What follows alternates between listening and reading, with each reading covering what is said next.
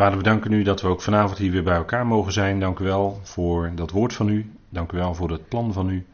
Dank u wel dat we daar ons in verdiepen. En dank u wel dat we stap voor stap mogen volgen wat u doet en wat u gedaan heeft. En dat biedt ook uitzicht op wat u in de toekomst gaat doen, omdat uw woord altijd profetisch is. We danken u voor uw liefde, Vader, die achter al uw handelen zit. Ook al is het soms voor ons onbegrijpelijk wat u doet, maar nochtans weten we dat u de grote, alwijze, almachtige, liefdevolle God en Vader bent. En dat we ons volledig aan u kunnen toevertrouwen, wetend dat u alle dingen in uw hand heeft. Dank u wel dat we mogen weten, Heer, ook in dagen waarin we verdrietig zijn en rouw hebben, dat we nochtans uitzicht hebben naar de bazuin van God, die spoedig zal klinken, waarin we de geliefden weer zullen terugzien. Vader, en dat zal een geweldig moment zijn. We danken u dat dat onze troost is. We danken u zo voor deze avond die u geeft. We leiden in het woord. Geef wijsheid, geef helderheid van gedachten. En ook het vermogen om te kunnen uitspreken. Vader, we zijn in alles van u afhankelijk. En we bidden u ook om die geest van wijsheid en onthulling in de erkenning van u. Vader, dat we mogen erkennen wat uw wil is. En daardoor u waardig wandelen en ten diepste groeien in de erkenning van uzelf. Dank u wel, Vader, dat u ons zo bekrachtigt met al uw kracht naar de macht van uw heerlijkheid. En dank u wel, Vader, dat we, net als u, mogen leren geduld uitoefenen met vreugde. Dank u wel, Heer, dat u ons dat wil geven. En we zien uit naar wat u ook deze avond geeft. We danken u daarvoor in de machtige naam van uw geliefde Zoon. Amen. Goed, wij uh, gaan kijken naar het vervolg van Gods plan. We hebben de vorige keer uh, stilgestaan bij het leven van Jozef. En dat hebben we eigenlijk toch wel een beetje afgerond. Uh, het liefst zou ik Genesis vers voor vers behandelen. En dat geldt ook voor het Bijbelboek wat we vanavond instappen. Dat is het Bijbelboek Exodus. Dat zou ik eigenlijk ook het liefst vers voor vers willen behandelen. Maar dat zou dan wat te lang gaan duren allemaal. Dus we nemen toch wat highlights, om het zo maar te zeggen. Om te kijken wat daarin gebeurt en wat God doet in zijn plan en hoe hij zijn plannen uitwerkt. En dan hebben we een overzicht, dat ziet u op deze dia. Dat is uh, de vijf boeken, de eerste vijf boeken. In het Duits zeggen ze dan eerste tot en met vijfde boek van Mozes. Wij zeggen in Nederlands uh, naar de titels die in de Septuaginta staan, die u in uw Bijbel kunt vinden. Ik spreek liever met Tenach over de titels die daarin staan, want dat zijn de eerste woorden van het Bijbelboek zelf.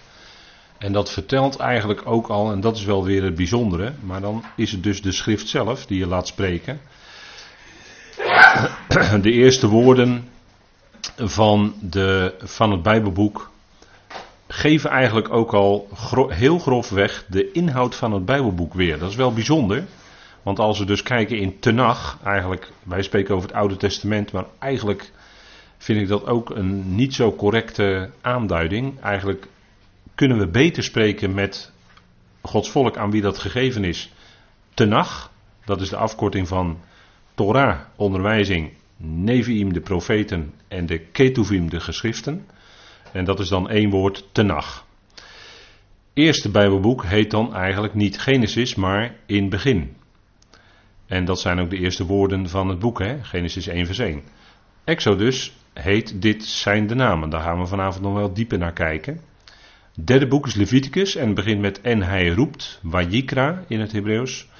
En Numeri uh, is eigenlijk in de woestijn of in de wildernis Bemidbar. Daar begint het uh, boek mee. En Deuteronomium is en dit zijn de woorden. Dat is ha Devarim. En daar passen psalmen bij, want de psalmen is niet één boek, maar dat zijn eigenlijk vijf boeken. De psalmen.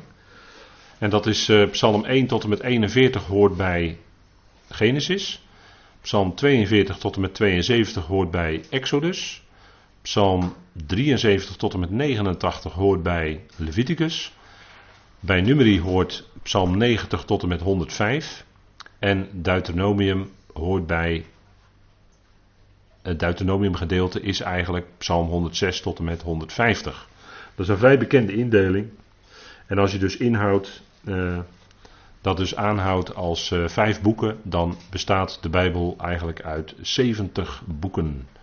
En hoe mooi kan het dan zijn? Hè? Dat komt precies mooi uit. Dus uh, u kunt dat terugvinden in verschillende commentaren. Komt dat gewoon terug hoor. Ook in een Nederlands standaardwerk. Wat door het Bijbelstudiecentrum is uitgegeven. Staat het ook gewoon vermeld. U kunt dat terugvinden in de Companion Bijbel van Dr. E.W. Bullinger. Die naam komen we vanavond ook nog tegen.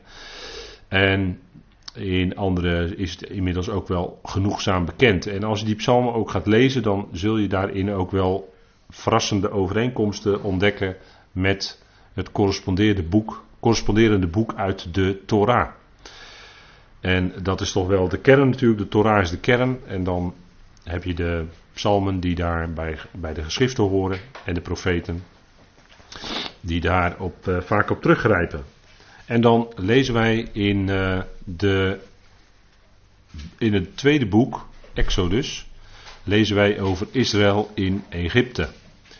En eigenlijk uh, wordt dat ook bij de Heer Jezus gezegd, schiet me nu te binnen, wordt geciteerd uit Hosea, als ik het goed heb, in de eerste hoofdstukken van Matthäus of Lucas. En er wordt dan gezegd, en er wordt geciteerd: Uit Egypte heb ik mijn zoon geroepen. En dat komt omdat de Heer Jezus op een gegeven moment naar Egypte moest uitwijken, althans zijn ouders met hem. En later kwam hij dus terug uit Egypte en wordt die profetie wordt ook op hem toegepast, maar die profetie is dus ook van toepassing op het godsvolk zelf, wat ook zijn zoon is. Uit Egypte heb ik mijn zoon geroepen, dat geldt natuurlijk ook voor het volk Israël, wat in Egypte uit groeide tot een heel volk. Hè. Er kwamen 70 zielen gingen naar Egypte toe, maar uit Egypte kwam een groot volk van minstens 600.000 mensen. Dat was dus in een aantal generaties enorm uitgegroeid. En dat houdt, hield natuurlijk verband met de belofte die aan Abraham was gegeven. Ik zal jou tot een groot volk maken. Ik zal je zegenen, je nageslacht zegenen. En wie jou zegenen, zal ik zegenen. Dat, dat is daar gewoon mee verbonden. Hè?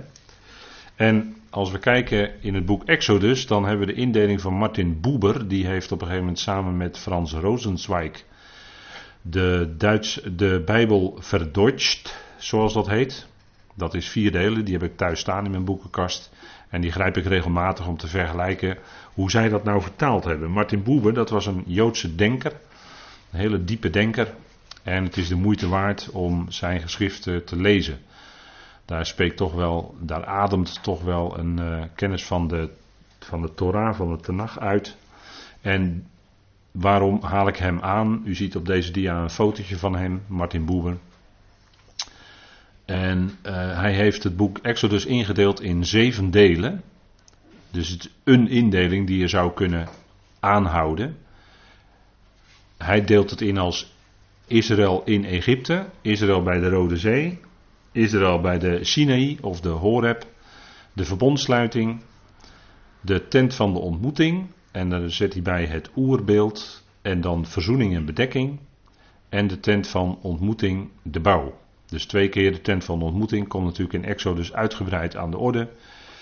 Uh, Mozes moest de tabernakel laten maken naar het voorbeeld of het type wat hem op de berg getoond was. Dus Mozes had hemelse dingen gezien had hemelse dingen gezien.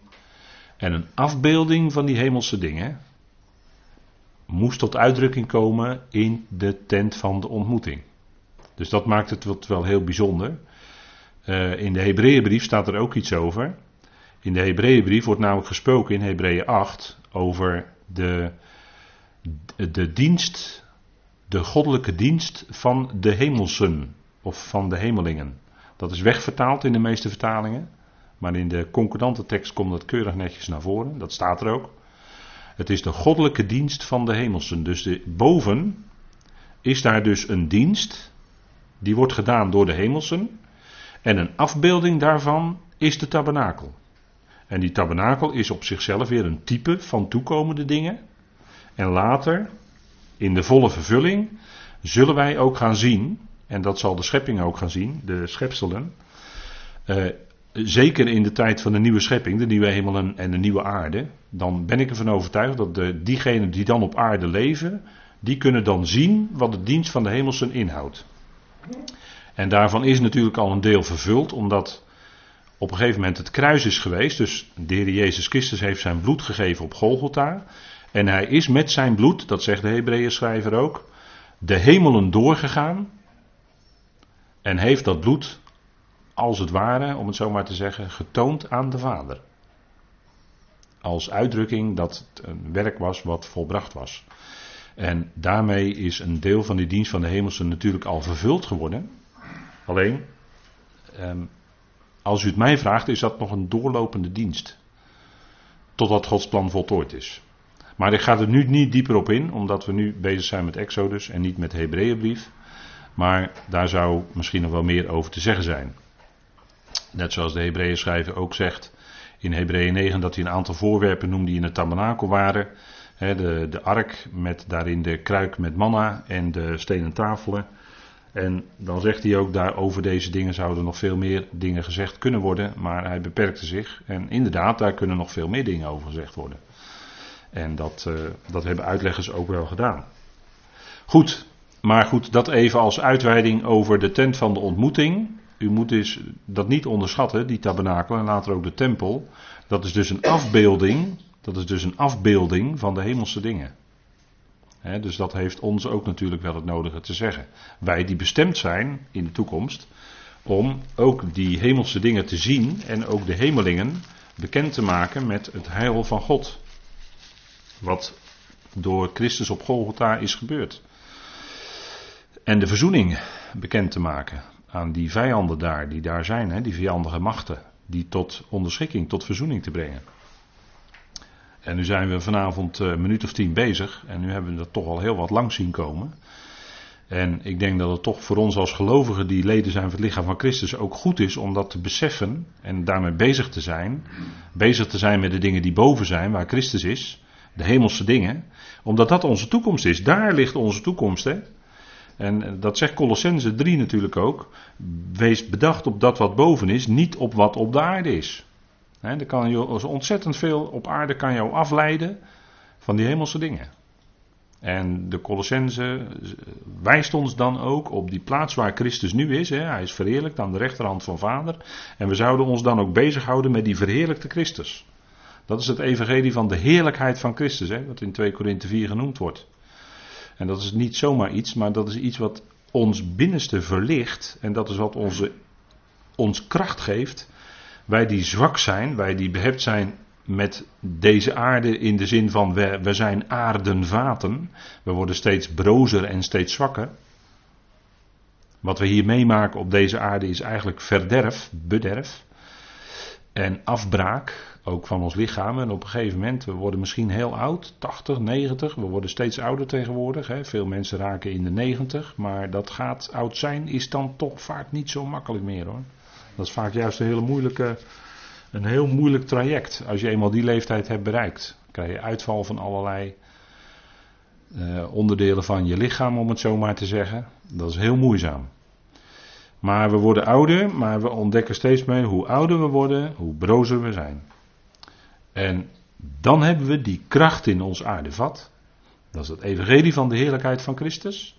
Dat is dat geloof wat God in ons gewekt heeft. Dat is die geest die hij in ons geeft. Dat zijn allemaal dingen die hij noemt, hè, Paulus in 2 Korinthe 4. En dat is waar wij vandaag de dag onze kracht uit putten. Onze troost ook uit hebben. We hebben gebouw uit God. dat is een prachtige beeldspraak voor ons verheerlijkte lichaam, hè, 2 Korinthe 5. We hebben een gebouw uit God. Tegenover dat aardevat van 2 Korinthe 4 spreekt Paulus in 2 Korinthe 5 als tegenstelling over dat gebouw uit God. Dat is dat verheerlijkte lichaam wat we zullen ontvangen als de bazuin klinkt. En dat is eonisch, dat is krachtig, dat is blijvend. En dat is ook dan het lichaam wat zelfs gelijkvormig zal zijn aan het heerlijkheidslichaam van Christus.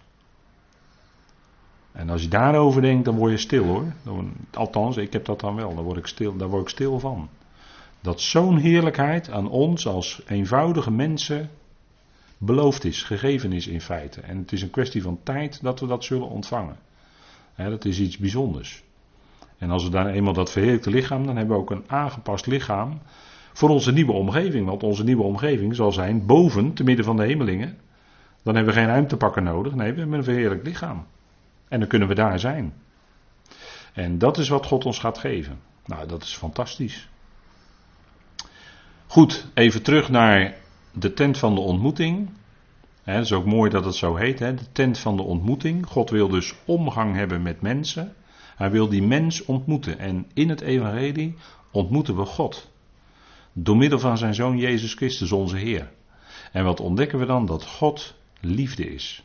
Dat hij zo liefdevol is, dat hij zijn geliefde zoon gegeven heeft voor arme zondaren zoals wij waren. Dat is indrukwekkend hoor. Als je Romeinen 5 leest, God echter bewijst zijn liefde jegens ons. Hij heeft het bewezen. Doordat, hij, doordat Christus stierf toen wij nog zondaren waren. Een geweldig evangelie is dat wat daar klinkt. En de vijanden, hij verzoent vijanden met zich door de dood van de zoon. Niet omdat die vijanden zichzelf bekeren of dat ze beter gaan presteren. Nee, hij verzoent vijanden met zich door de dood van de zoon. doorheen de dood van de zoon. Degene die nu leeft. wij leven nu in zijn leven. En dat is geweldig. God wil omgang met ons mensen. God wil omgang met die mens. Geliefd is de mens. Dat klinkt aan alle kanten, ook binnen het Jodendom klinkt dat door. Geliefd is de mens. en kijk maar eens hoe Joden omgaan, hoe Israël omgaat. Ook als vijanden gewond zijn geraakt, dan gaan Joden hun vijanden toch verzorgen. Dat, dat, is, dat, is, dat is zo bijzonder, vind ik altijd. dat is uh, anders dan de omringende volkeren hoor, omgaan met vijanden.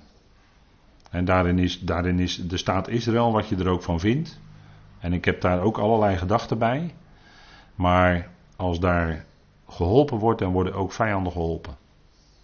En dat is toch weer iets wat doorklinkt, denk ik, vanuit de Torah. Dat is die liefde, want de Torah spreekt eigenlijk van de liefde, tot God en tot de naaste. dat is eigenlijk de kern van de Torah. En dat zie je dan eigenlijk uh, belichaamd in, in uh, Joodse mensen die vijanden helpen. Ik vind dat heel bijzonder. En dat is een lichtend voorbeeld eigenlijk toch in het Midden-Oosten. En dan kunnen we zeggen, ze zijn daar nog grotendeels in ongeloof. Ja, zeker, zeker. Maar toch zie je dan dat zij die Torah hebben. Die, hè, wat is het voordeel van de Jood en wat is het nut van de besnijdenis? Allereerst, Paulus, zegt Paulus toch dit: dat aan hen de woorden van God zijn toevertrouwd. Romeinen 3, hè? Aan hen zijn de woorden van God toevertrouwd. En dat, dat zit daar gewoon in, hè? om die mens te helpen, om tot, tot, toch op een of andere manier tot zegen te zijn voor die ander. Tent van de ontmoeting, God wil omgang met die mens.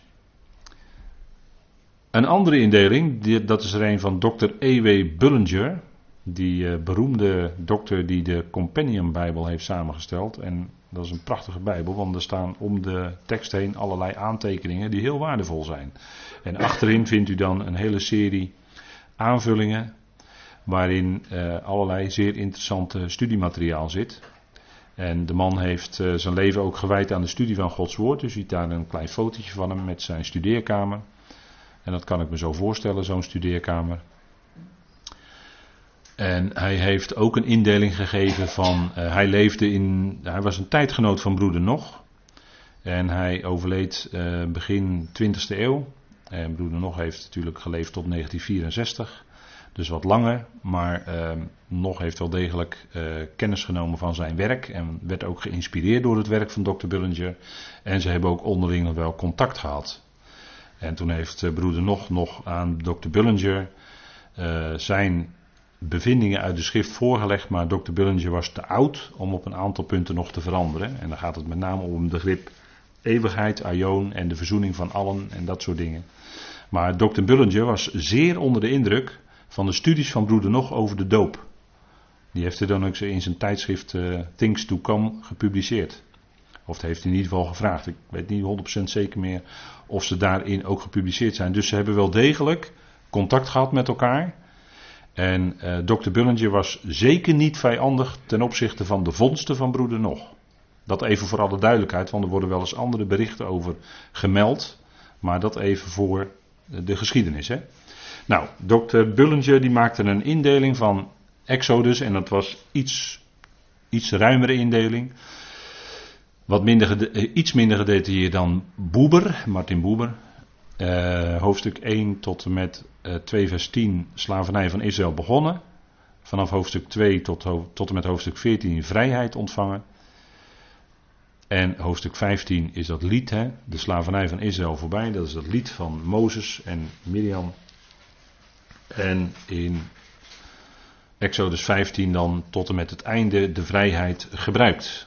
Dus dan lezen we alles over de, ook de dienst van de tabernakel en dergelijke. Exodus 1 en 2 spreekt dan over de zonen van Israël, hoe zij toenamen. Zij, en de oude vertaling zegt dan, uh, dat woord wordt binnen bepaalde kringen nog wel eens uh, gebruikt. Zij braken uit in menigte. Zij namen bijzonder toe, ze waren vruchtbaar en ze werden zeer talrijk. Ze woonden in het land Gozen, en dat is ook wel aardig. Het land Gozen betekent dichtbij komen. Dichtbij komen. En de Israëlieten die groeiden uit, die groeiden snel uit. En Farao die begon daar een bepaalde politiek. Dat was een andere dynastie dan de dynastie die Jozef nog gekend had. Zoals u weet zijn er verschillende dynastieën in eh, Egypte geweest. Dynastieën van koningen. En de dynastie ten tijde van Mozes, waarbij het volk verdrukt werd, zoals u weet, omdat het zeer toenam, was waarschijnlijk uh, de farao Toet Mozes. En de zonen van Israël nemen toe, hoofdstuk 1, vers 12. En dan Farao's politiek er tegenover hoofdstuk 1, vers 13 tot en met 22. En dan 2, vers 1 tot en met 10. De zonen van Israël, Mozes geboren. Nou, zij waren in het land Gozen, ze namen toe. En het boek Exodus betekent, de naam Exodus betekent, dat weet u waarschijnlijk wel. Exodus is, is een Griekse uitdrukking, betekent uitweg. Dus het woord ek is dan uit en hodos is weg. En dat woord exodus wordt ook een aantal keren in de Griekse schrift gebruikt. U ziet ze daar staan, Lucas 9, 2 Petrus 1 en Hebreeën 11. En in Hebreeën 11 wordt ook letterlijk gesproken over de uittocht uit Egypte. Dat uh, Jozef aanwijzingen gaf over zijn gebeente. Uh, en dat was met het oog op dat ze op een gegeven moment uit Egypte zouden uittrekken. En dat was natuurlijk een aangezegd omdat Jozef een gelovige was en hij geloofde de belofte die God gegeven had dat in het land vloeiende van melk en honing zij zouden komen. Dat was aan Abraham, Isaac en Jacob beloofd, die hebben daar ook geleefd. Het land vloeiende van melk en honing, het land Canaan. Het land Canaan. En dat betekent Canaan, dus afgeleid van het woord, uh, het Hebreeuwse woord voor verkrijgen. Hè. Het heeft te maken met Kainan. En is ook een van de zonen van, kleinzonen van Noach. Sem, Gam en Jafet. En een van die drie had een zoon die heette Canaan. Hè. Daar is het ook naar vernoemd. Maar Canaan, dat heet uh, tegenwoordig uh, Israël. Dat was toen wel verrassend. Toen de staat Israël werd uitgeroepen in 1948 op basis van een beslissing van de Verenigde Naties. En toen werd er ook gezegd, de staat wordt Israël genoemd. En dat was wel verrassend. Want het had lange tijd Palestina gegeten en dat was door de Romeinen, hè, dat weet u misschien wel, door de Romeinen was die naam gegeven aan het land. En dat was eigenlijk daarvoor de naam voor de Gaza, wat we nu kennen als de Gazastrook. Daar woonden natuurlijk de Filistijnen. En uh, naar, dat, dat werd Filistea of nou, dat is eigenlijk hetzelfde woord als Palestina. En toen hebben de Romeinen, om dus zich af te zetten, de Joden waren verjaagd uit uh, na 70. Toen Jeruzalem en de tempel verwoest waren door uh, de Romeinse generaal Titus. Toen hebben ze, om uit afkeer van de Joden, hebben ze uh, het land Palestina genoemd. En de Romeinen hebben ook zoveel mogelijk herinnering aan de Joden willen uitwissen. Veel Joden zijn toen gevlucht naar Egypte over slavernij gesproken. Zij hebben zich daar ook eh, aangeboden om als eh, slaaf te gaan werken. Toen waren slaven ook ineens heel erg goedkoop, omdat er heel veel aanbod was. En u weet hoe het werkt in de economie. Als er veel aanbod is, wordt het goedkoop. Hè? Als er weinig aanbod is, wordt het product duur. Als er een grote vraag is. Maar als er een grote vraag is en er is een veel groter aanbod dan de vraag, dan wordt het ineens heel goedkoop. en in de tijd dat de appels weer van de bomen komen, er is heel veel aanbod van appels en dan worden appels weer goedkoper. In andere delen van het jaar zijn ze weer duurder. Dat is een hele simpele economische wet. Die wetten van economie zijn dan wel simpel, andere zijn veel ingewikkelder, maar goed. In ieder geval, het land, zij zouden uittrekken naar het land en Jozef die geloofde dat ook, dat ze in het land Canaan weer zouden terugkomen, dat ze dus zouden uittrekken uit Egypte, de uittocht. En Jozef profiteerde ervan door aanwijzingen te geven over zijn gebeten. Dat moest meegenomen worden in een kist, en dat gebeurde ook, naar het land Canaan. En daarin heeft hij in geloof, zegt Hebreeën 11 dan, over geprofiteerd. Goed, dat even over de, dat is de Griekse benaming van het boek, het tweede Bijbelboek, Exodus. Dus dat zegt natuurlijk wel iets over wat er in dat boek beschreven staat. Maar eigenlijk is de Hebreeuwse naam, de echte naam is, en dit zijn de namen. En dat is eigenlijk een veel betere betiteling van dit boek.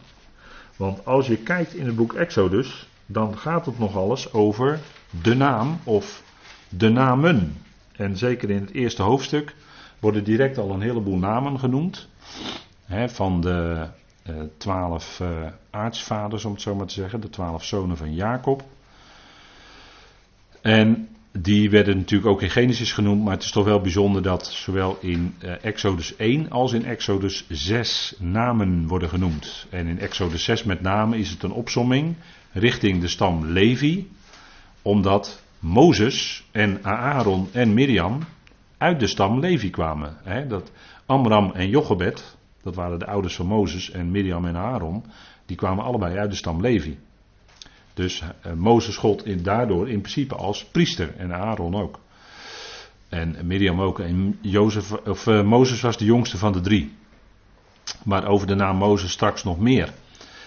Uh, de namen Ruben betekent zie een zoon. En dat is eigenlijk wel heel mooi, want daar zit eigenlijk heel veel aan vast. Hè?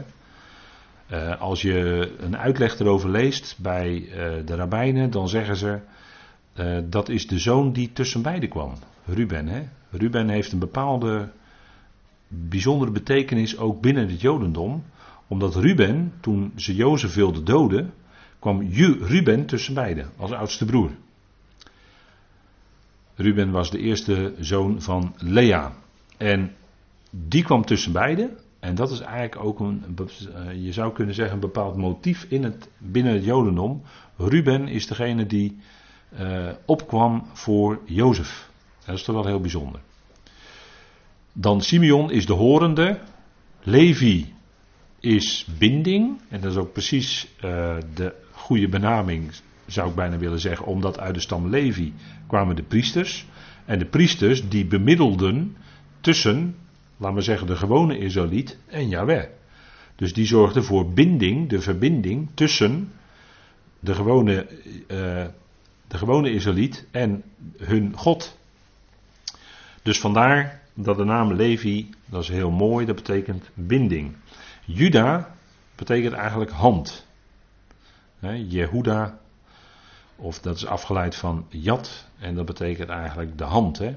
Dus dat is, uh, en Issachar betekent hij zal belonen. En Zebulon betekent woning.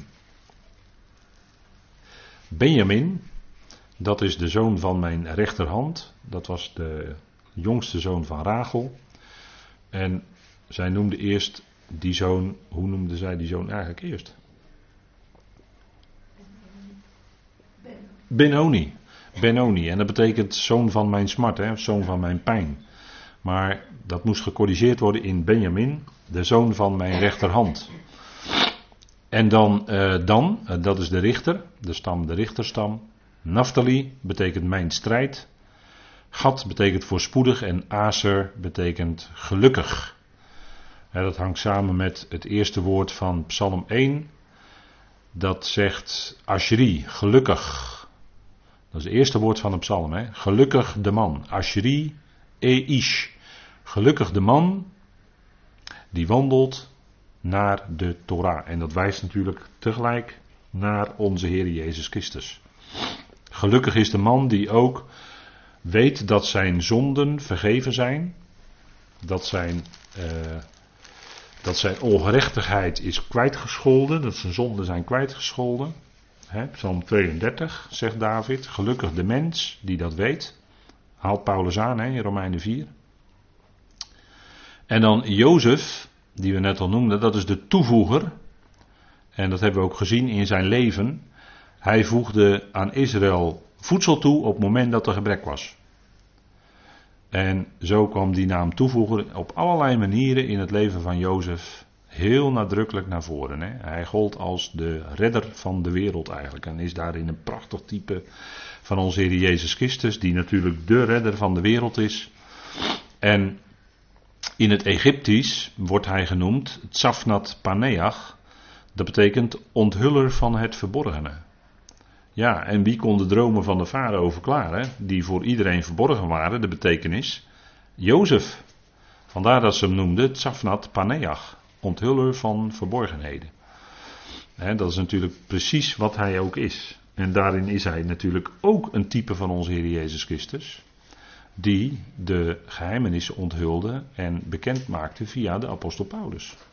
De latere geheimenissen dus ook daarin, en de Heer Jezus Christus is ook degene die bekend maakt wie God is. Want God is voor de mens, of voor een schepsel, in principe de verborgene. We kunnen hem niet horen, we kunnen hem niet zien, maar door onze Heer Jezus Christus kunnen we hem wel horen en kunnen we hem wel zien. Dus hij onthult die verborgen God, de Vader, en maakt hem aan ons bekend. Dus in die zin is ook die benaming van Jozef niet alleen zomaar omdat Jozef die dromen kon verklaren, maar ook omdat hij natuurlijk daarin een prachtig type is van onze Heer Jezus Christus. Dus de namen zijn wel degelijk belangrijk. Hè? Deze namen komen gelijk al in Exodus 1 naar voren.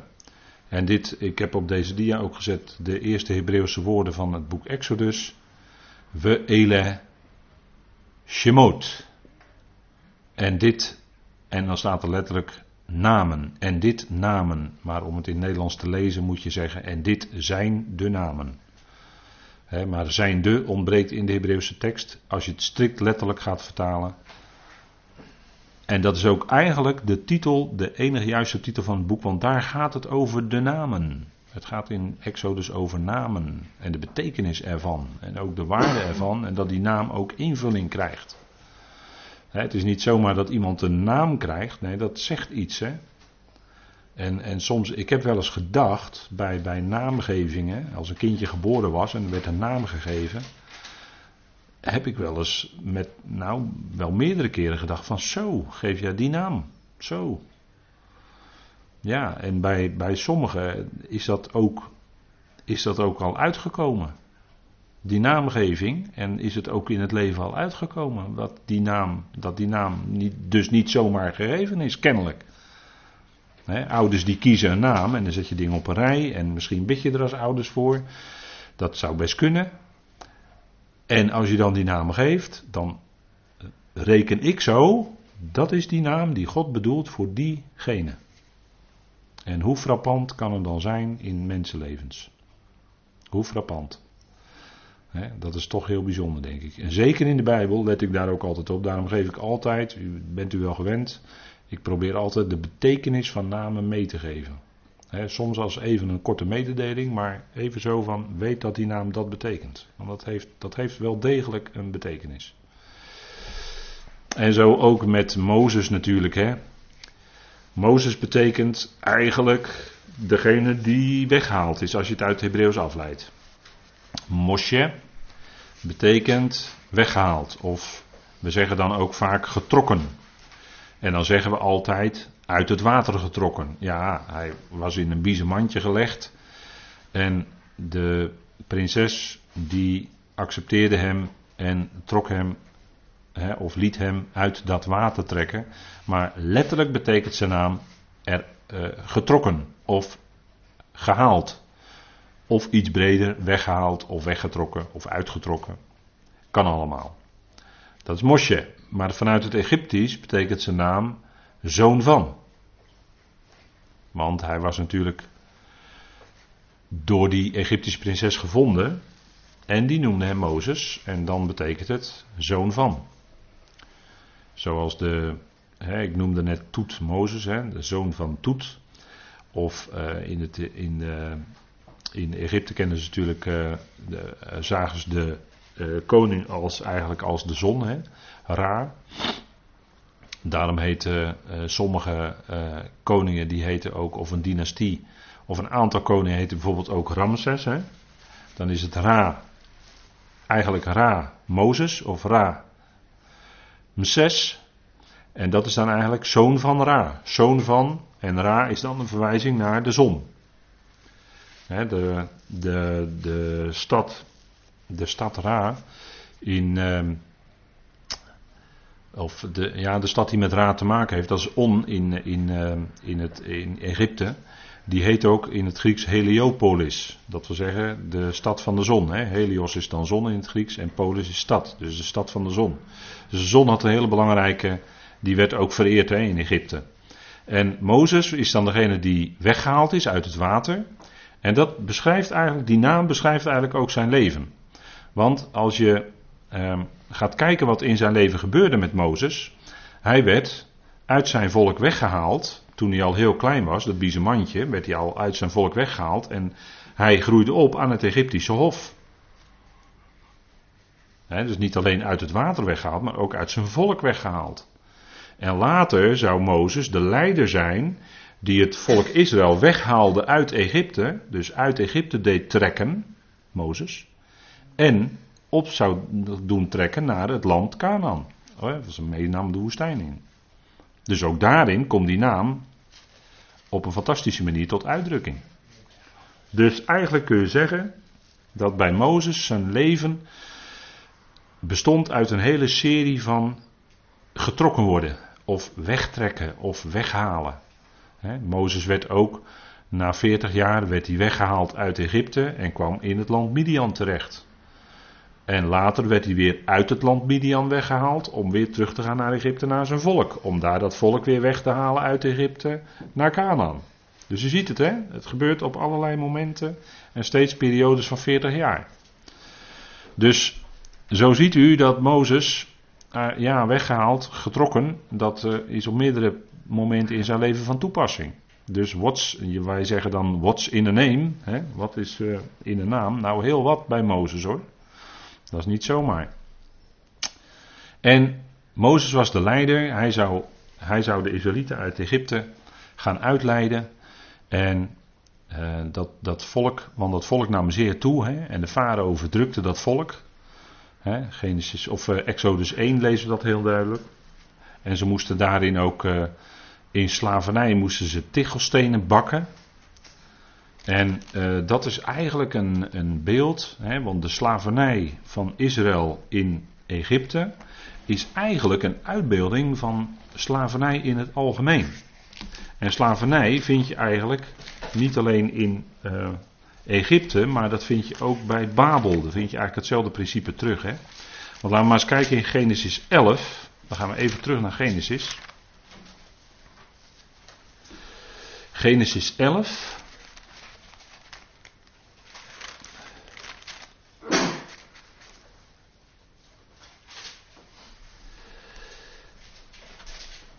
En daar zien we dus dat de mensen zich gaan verzamelen bij Babel. En we zijn in de studies openbaring zijn we ook op dit moment bezig hè, met het geheimenis Babylon. Daar spreken we vrij uitgebreid over, omdat het belangrijk is. Het is zo'n beetje het belangrijkste punt waarover oordeel komt in het boek Openbaring. En daar gaat het ook over Babel. Maar we zien dus hier in het begin, want er zitten heel veel lijnen vanuit Genesis naar Openbaring.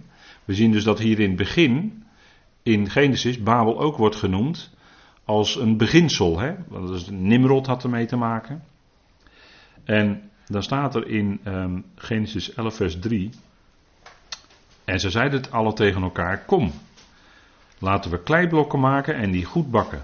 En de kleiblokken dienden hun tot steen en het asfalt diende hun tot leem. En ze zeiden: Kom, laten wij voor onze stad bouwen en een toren waarvan de top tot in de hemel reikt. En laten we voor onze naam maken Anders worden wij over de hele aarde verspreid. En daarin gingen zij in tegen wat God gezegd had. Hè? God had gezegd dat ze zich moesten verspreiden, zich vermenigvuldigen moesten verspreiden over de aarde. Dat deden ze niet. En in hun opstand tegen God gingen zij dus uh, zelf uh, bakken, zelf stenen bakken. En dat was uh, om zichzelf een stad te maken en om een toren te bouwen en om daar dus te blijven. Dus dan ziet u dat het beginsel Babel te maken heeft met de mens die ingaat tegen God, hè, die rebelleert tegen God en die dus op die plek wil blijven. En die gaat dus zelf stenen bakken. Terwijl als het. Wat zit daar nou in? Hè? Want dat moesten de uh, Egypte. In Egypte zie je een aantal van dezelfde principes als bij Babel. In Egypte moesten de Israëlieten in slavernij ook stenen bakken. Hè, kleitabletten of uh, tichelstenen worden ze ook wel eens genoemd. Hangt er even af welke vertaling het is. Maar dat is het principe van dat de mens zelf werkt zelf stenen bakt om zichzelf iets te bouwen. En dat is eigenlijk het principe van religie. En religie, vanuit het woord, betekent uh, je weer laten binden. Dat heeft te maken met het woord ligare en dat betekent binden. Je wordt in religie gebonden. En gebondenheid is slavernij. Dus de, de, dat de Israëlieten dus stenen moesten bakken in uh, in Egypte is dus eigenlijk een uitbeelding van de slavernij van religie. En eigenlijk is Egypte ook in de schrift, want eh, Egypte bestaat, is heel oud, heel oud en is daarmee een type van de wereld. En wat vind je in de wereld? In de wereld vind je religie. En religie is per definitie vijandig ten opzichte van God. Want wat gebeurt er bij religie? Bij religie zegt de mens: ik kan het zelf wel. Ik ga mijzelf wel een weg bouwen naar God toe. Of ik ga mezelf wel opklimmen tot in de hemel, toren van Babel. Ik ga zelf wel allerlei dingen doen waardoor ik dichter bij God kan komen. Terwijl het principe van het evangelie is dat God alles doet. Dat het genade is waarin de mens kan leven en uiteindelijk ook zal leven. En dat religie, dus de eigen werken van de mens, in die zin er absoluut niet toe doen en zelfs vijandig zijn tegen God. En dat is het principe van het bakken van stenen, want dan maak je, ga je dus zelf stenen maken. Maar de Israëlieten mochten alleen maar altaren bouwen van stenen die ze in de natuur vonden. Die stenen die dus God daar zelf al had laten ontstaan. Die stenen hoefden ze niet te bakken. Ze konden die stenen gewoon verzamelen en daar een altaar van bouwen. En op zo'n altaar kon een offer gebracht worden wat God wel gevallig was. Want het altaar was niet gebouwd van stenen die de mens zelf had gebakken. Dat zijn allemaal belangrijke dingen hoor. Dat, God zegt dat niet, natuurlijk niet zomaar tegen het volk. Dat ze op die manier altaren moesten bouwen. Maar dat moest van natuursteen. Wat al in de natuur veranderd was. Wat God dus al gegeven had en al gemaakt had. En, en dat zijn zaken, hè, dat zijn lijnen die we ons als gelovigen goed zouden realiseren. En uh, dat, dat de Israëlieten dus stenen moesten bakken in. Uh, tichelstenen moesten bakken, hè? stro.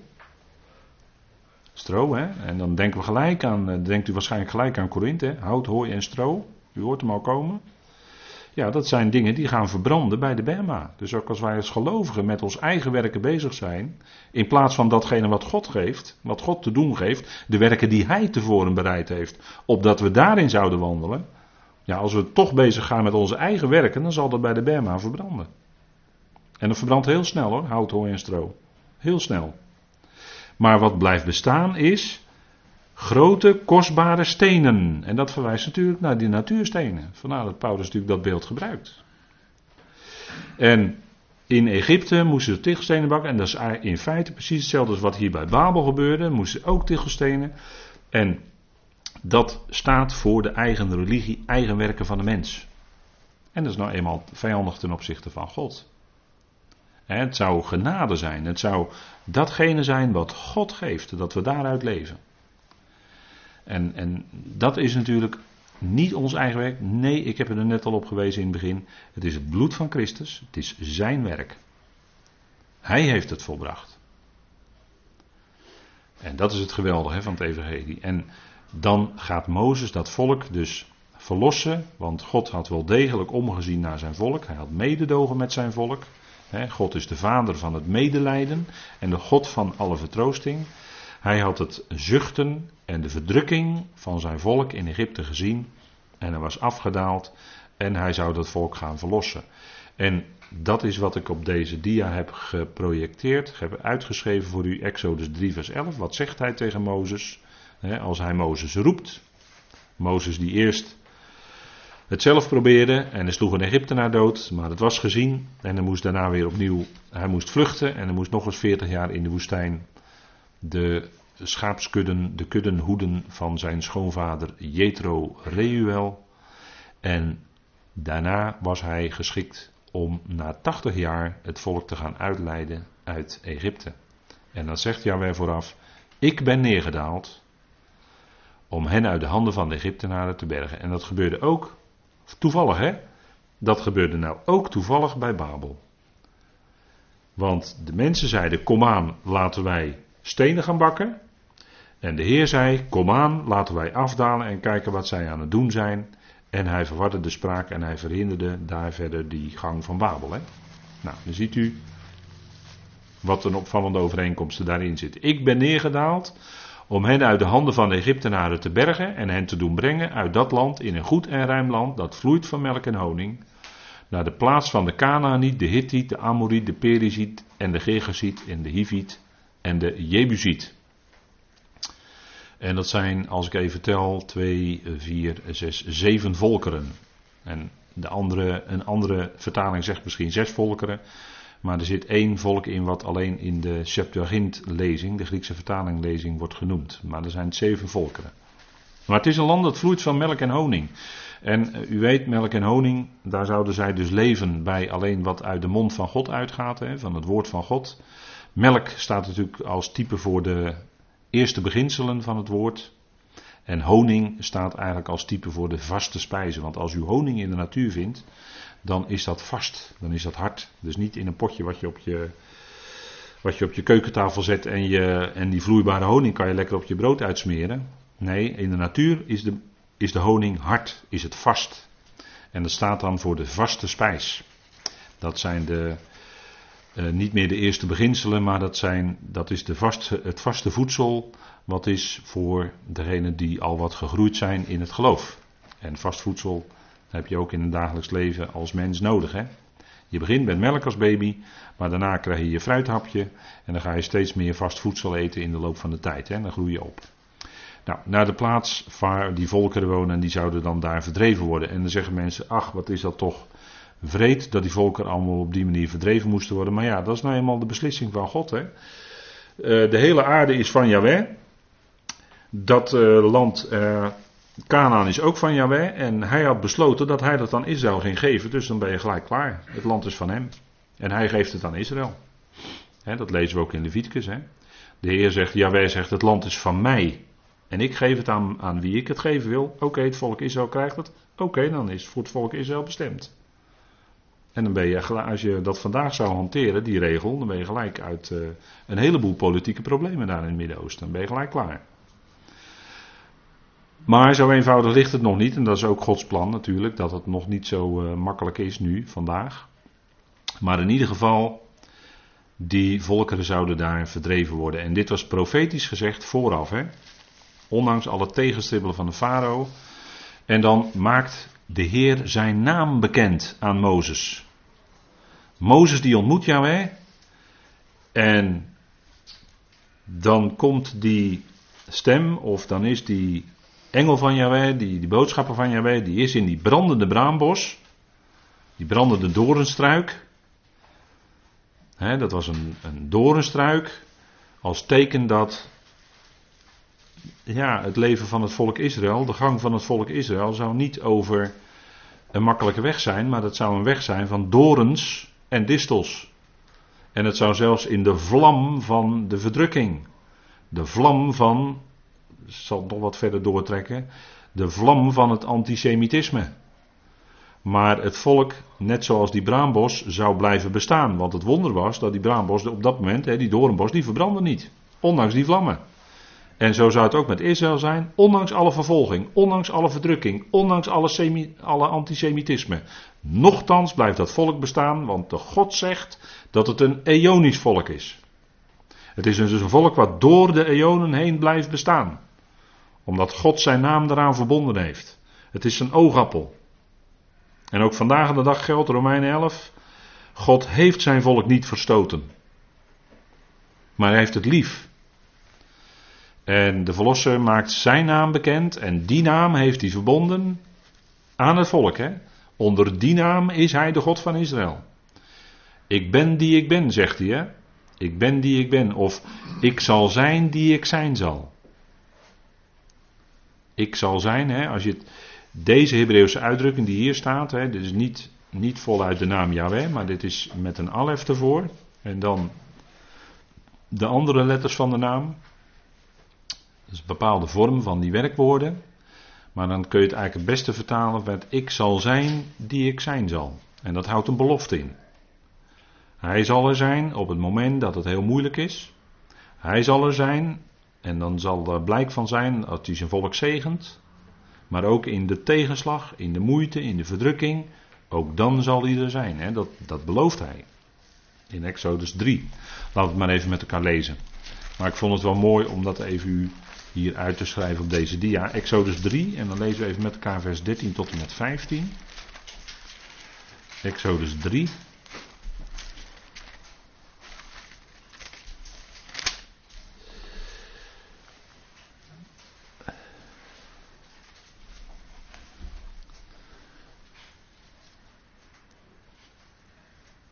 En dan begin ik even met u te lezen vanaf vers 12. En hij zei: Voorzeker, ik zal met u zijn. En dit zal voor u het teken zijn dat ik u gezonden heb. Als u het volk uit Egypte geleid hebt, zult u God dienen op deze berg. En Mozes zei tegen God: Zie, wanneer ik bij de Israëlieten kom en, en tegen hen zeg: De God van uw vaderen heeft mij naar u toegezonden. En zij mij zeggen: Wat is zijn naam? Wat moet ik dan tegen hen zeggen? En God zei tegen Mozes: Ik ben die ik ben. Ook zei hij: Dit moet je tegen de Israëlieten zeggen: Ik ben, heeft mij naar je toegezonden. En hierin, hier wordt dus vertaald met: Ik ben die ik ben, maar uh, ietsje, misschien ietsje scherper toch nog is: Ik zal zijn die ik zijn zal. En letterlijk, als je het heel letterlijk helemaal uitschrijft, is die tweede keer: Ik ben, heeft mij naar je toegezonden. Ik zal worden te zijn. Ik zal worden te zijn. Hij is degene die met het volk optrekt, meetrekt door de woestijn. En zo trekt hij ook als het ware met ons mee door ons leven, door de woestijn van het leven. Maar hij gaat met ons mee. De Heer is nabij, zegt Paulus. Hij is er altijd. En we kunnen alles bij hem om met gebed en smeking bekendmaken, onder dank. ik zit nu Filippenzen 4. En dat, dat is in feite hetzelfde. Hè? Dat, dat Paulus zegt, de Heer is nabij. Ja, dan zegt hij in feite, jawel, dan zegt hij in feite, ik ben. Ik ben bij je. En, en natuurlijk, dat is hij altijd, want hij heeft zelfs door zijn geest in ons woning gemaakt. Ook dat is wel bijzonder, hè? Ik zal zijn, heeft mij naar jullie toegestuurd. Dat is de geweldige naam die Mozes meekrijgt. Vers 15. En God zei verder tegen Mozes: Dit moet u tegen de Israëlieten zeggen: De Heere, de God van jullie vaderen, de God van Abraham, de God van Isaac en de God van Jacob heeft me naar jullie toegezonden. Dit is voor de Eon mijn naam. Dit is mijn herinnering van generatie op generatie. dus hij verbindt zijn naam heel duidelijk met Mozes, met die aartsvaders, met het volk. En hij gaat met ze mee. Nou, dat is heel geweldig, hè? Die naam. Dat is ook een prachtig lied van uh, de groep Sela. ik zal er zijn, ik ben. Prachtig mooi lied om te zingen. En dat is natuurlijk helemaal geïnspireerd op de naam van God.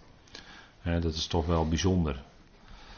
En Mozes, en dan zijn we in uh, hoofdstuk 5, dan wordt Mozes dus geroepen en hij moet naar de farao. Maar zoals het zo vaak gaat met profeten, zeggen ze eerst ik wil niet of ik kan niet dat zei Mozes ook. Die was niet zo gewillig hoor om direct te gaan.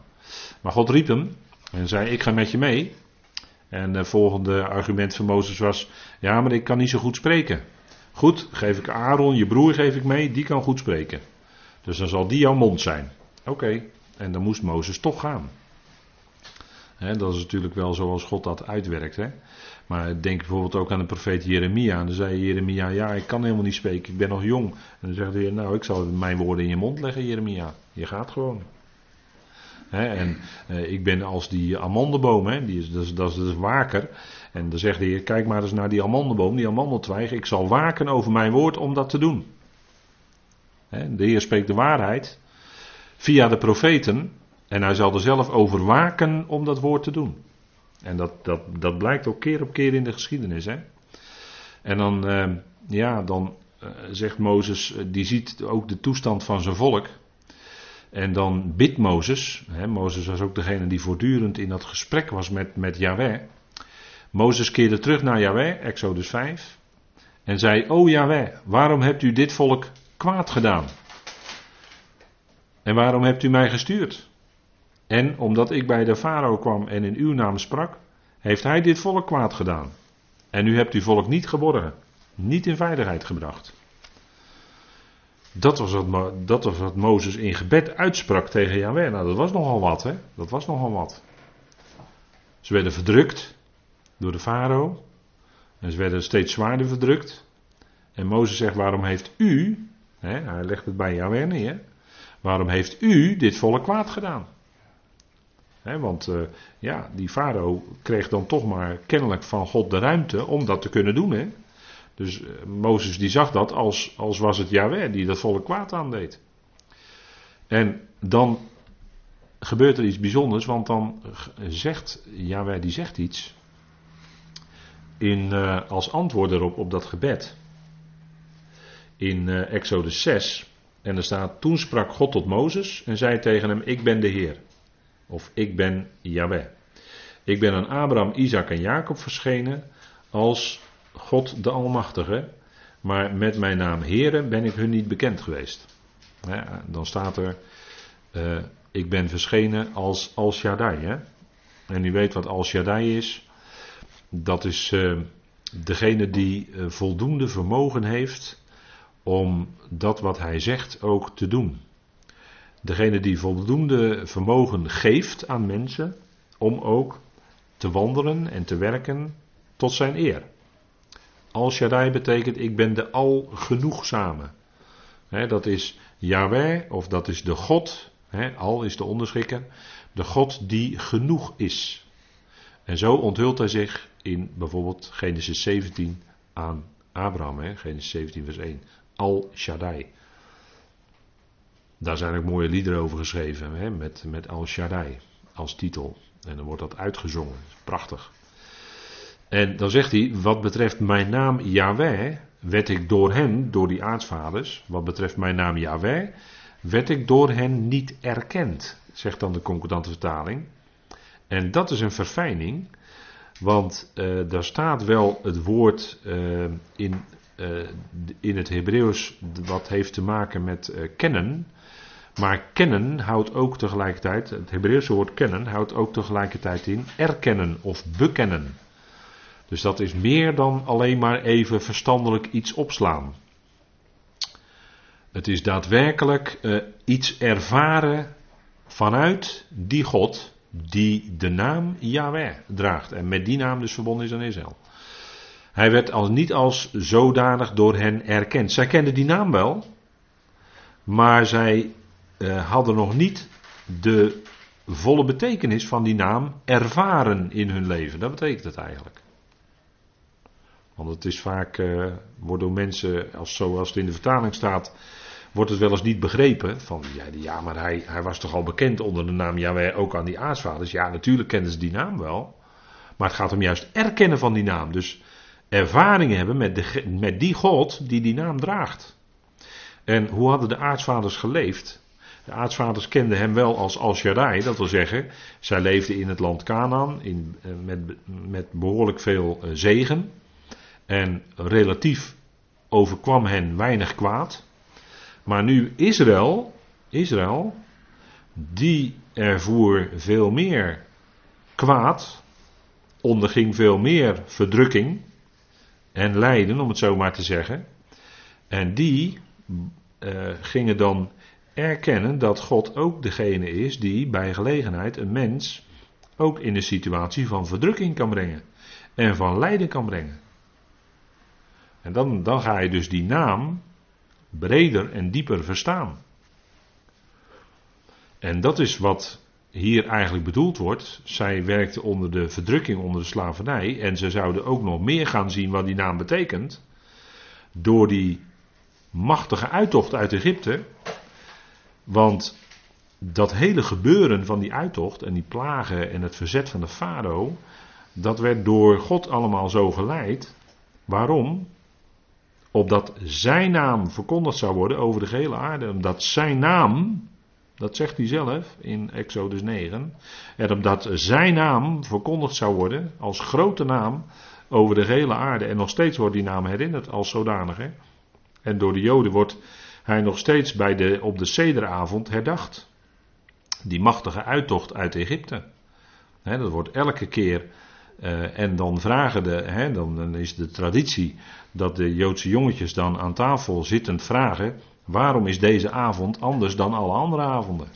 Nou, dat is omdat het Sederavond is. En omdat we hier gedenken op welke geweldige manier God ons uit de verdrukking van Egypte heeft verlost. En daarmee heeft God een geweldige grote naam gemaakt. En die naam, die wordt, uh, ja, in films en zo wordt het allemaal nog vertoond. Hè? De, de geweldige wijze waarop God zijn volk uitleidde uit Egypte. Dus de verlosser, hè, God, maakt zijn naam bekend. Dus vandaar de betiteling van het boek Exodus, dit zijn de namen. En dan gaat het vooral om de naam Yahweh natuurlijk. Dat is natuurlijk de kern waar alles om draait. En dat is, en zo handelde Yahweh, zo handelde Yahweh met zijn volk op een manier, hè, met die geweldige uittocht, op een manier zoals hij nooit eerder had gehandeld met de aartsvaders. En dat is de betekenis van deze tekst. Wat betreft mijn naam Yahweh werd ik door hen niet erkend. Ze hadden niet zulke grote ervaringen zoals dat volk zou hebben, dat uit Egypte geleid werd. En dat is eigenlijk geweldig, hè? Dat, dat dit uh, eigenlijk daarachter zit. En ik denk dat het goed is om even met elkaar een moment koffie te drinken, te pauzeren en dan gaan we zo meteen weer verder.